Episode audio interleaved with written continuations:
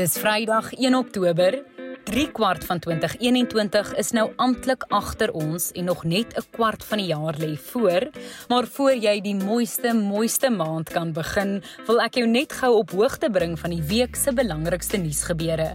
Hier in jou weeklikse nuus met Spiespot sending, 'n bondige nuusoorseig met my, Mia Spies.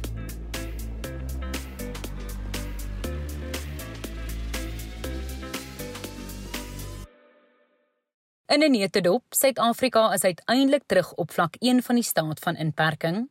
Inentingspaspoorte is op pad. Politieke partye maak groot beloftes vir die plaaslike regeringsverkiesing. Verdoemende bevindinge bekendgestel in verslag oor die Digital Vibes tenderskandaal. Staatskapingskommissie kry weer uitstel. Bende geweld eis 4-jarige in Kaapstad. Klimaataktivis kap wêreldleiers met bla bla bla en bandes terug, James Bond. Net voor ons begin, as jy elke Vrydag hierdie podcast in jou WhatsApp inbox wil kry, druk net op die skakel in die plasing hierbo. Suid-Afrika het om middernag na vlak 1 van die inperking geskuif. President Cyril Ramaphosa het gisterand die verslapte inperkingsmaatreëls aangekondig. Hours of the curfew will change from 12 midnight to 4 a.m. Non essential establishments like restaurants and bars and fitness centers will need to close by 11 p.m. now to allow their employees and patrons to travel home before the start of the curfew.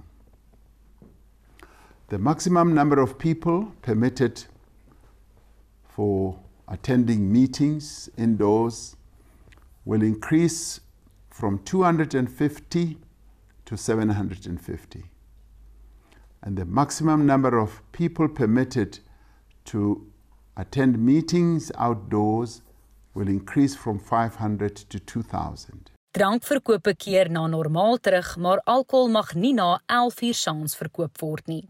Ramaphosa sê die doelwit is om 70% van die land se bevolking teen die einde van die jaar in te ent. Dit is waarom die Vuma Vaccination Weekend veldtog begin is en dit is om vir mense wat in die week werk 'n kans te gee om oor naweke hulle inentings te ontvang. Dan werk die regering ook aan inentingssertifikate. The Department of Health will soon be rolling out a vaccination certificate which will provide a secure and a verifiable proof of vaccination. Streamlining and standardizing proof of vaccination will also go a long way towards getting a number of international travel restrictions, both from and into our country, eased.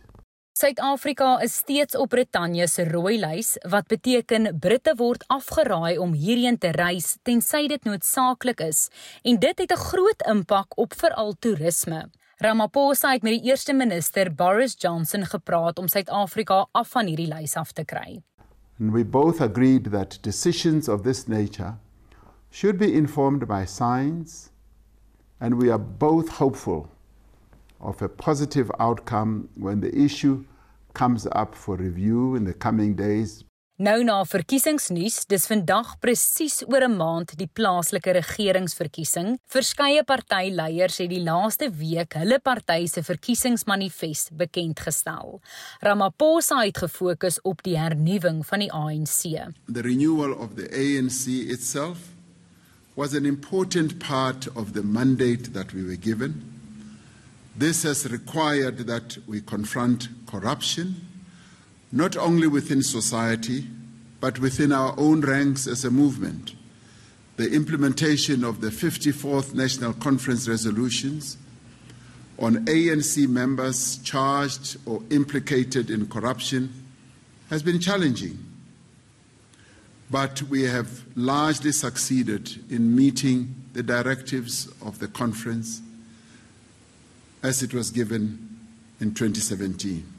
DA-leier John Steenhuisen het gefokus op die suksesvolle munisipaliteite waar sy party die laaste 5 jaar aan bewind is.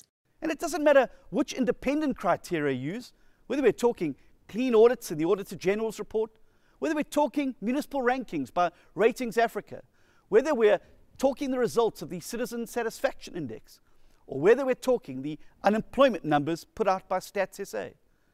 DA governments consistently come out on top. Now, the DA governs less than 10% of South Africa's municipalities, but the top five performing municipalities are all run by the DA.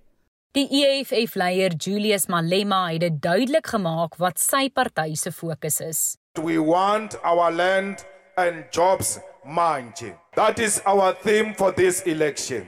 Dan het president Cyril Ramaphosa hierdie week die spesiale ondersoekeenheid se verslag oor die Digital Vibe skandaal bekend gemaak. Dit bevat verdoemende bevindinge van onder meer hoe die voormalige minister van gesondheid Dr. Zweli Mkhize en sy familielede voordeel getrek het uit die toekenning van die 150 miljoen rand Digital Vibes kontrak. Die minister van gesondheid Dr. Joe Pasla het gister aangekondig dat al die amptenare van die departement wat in hierdie verslag geïmpliseer word geskort is hangende verdere ondersoeke.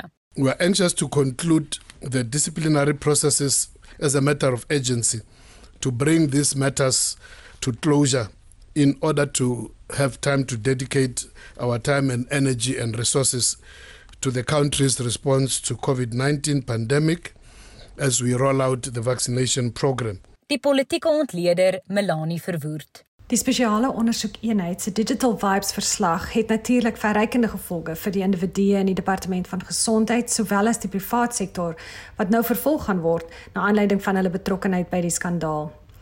En dis ook beslis in die korttermyn die einde van voormalige minister Willem Kiesi se politieke loopbaan. Die verslag stuur verder 'n baie ferm boodskap aan politici en staatsamptenare dat korrupsie nie meer geduld sal word nie. Dan kort in ander nuus, die staatskapingskommissie moes teen donderdag sy werk afgehandel het na verskeie uitstelle, maar die kommissie se voorsitter adjunk hoofregter Raymond Zondo het weer vir uitstel gevra. Die kommissie het nou tot 31 Desember om sy werk te voltooi. Nou na Kailicha waar 'n drie-dubbele moord op skoolmeisies maandag aand die land geruk het. Die drie jong vroue se liggame is na 8:00 die aand met kopskote tussen sinkhuise deur inwoners gevind. Die polisie het 'n 72 uur aktiveringsplan in werking gestel om hierdie skieters vas te trek. Dan bly ons in die Kaap waar 'n 4-jarige in bendeverwante geweld in Ottery dood is. Die dogtertjie is in die hospitaal oorlede nadat sy na bewering in die spervuur van stryende bendes beland het. Die polisie is op soek na 3 verdagtes. Dan in buitelandse nuus het die Sweedse klimaatsaktivis Greta Thunberg wêreldleiers en politici aangevat oor die klimaatsveranderingskrisis by die Youth for Climate beraad wat tans in Italië gehou word. Dit is hoe sy die laaste 30 jaar se pogings om klimaatsverandering om te keer beskryf. This is not about some expensive politically correct green act of bunny hugging or blah blah blah. Build back better, blah blah blah. Green economy, blah blah blah. En laastens, die 25ste James Bond rolprent No Time to Die word uiteindelik na 18 maande se uitstel weens die pandemie vandag in Suid-Afrika uitgereik. Die Britse akteur Daniel Craig sal vir 'n vyfde en laaste keer in die geheime agent 007 se swart pak inklim. Luister hier na die voorskou.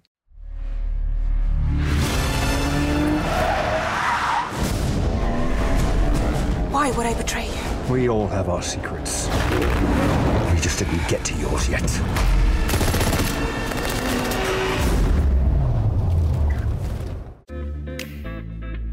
Nou dat jy op hoogte van sake is, is jy reg vir die eerste naweek van Oktober. Onthou daar is môre weer groot rugby. Die Bokke pak weer die All Blacks in die rugby kampioenskap. Ons kan maar net hoop dat die bal hierdie keer vir die Springbokke reg spring. Jou naweek kan nou maar wegspring. Nuus met Spies is 'n produksie in samewerking met die Potgooi Produksiehuis Volume. Ons vervaardigers is Roland Perolt, Andy Siwe May en Kairen Blau. En ons kenwysie is deur Curtis Kul gekomponeer. Ons gesels dan weer volgende Vrydag.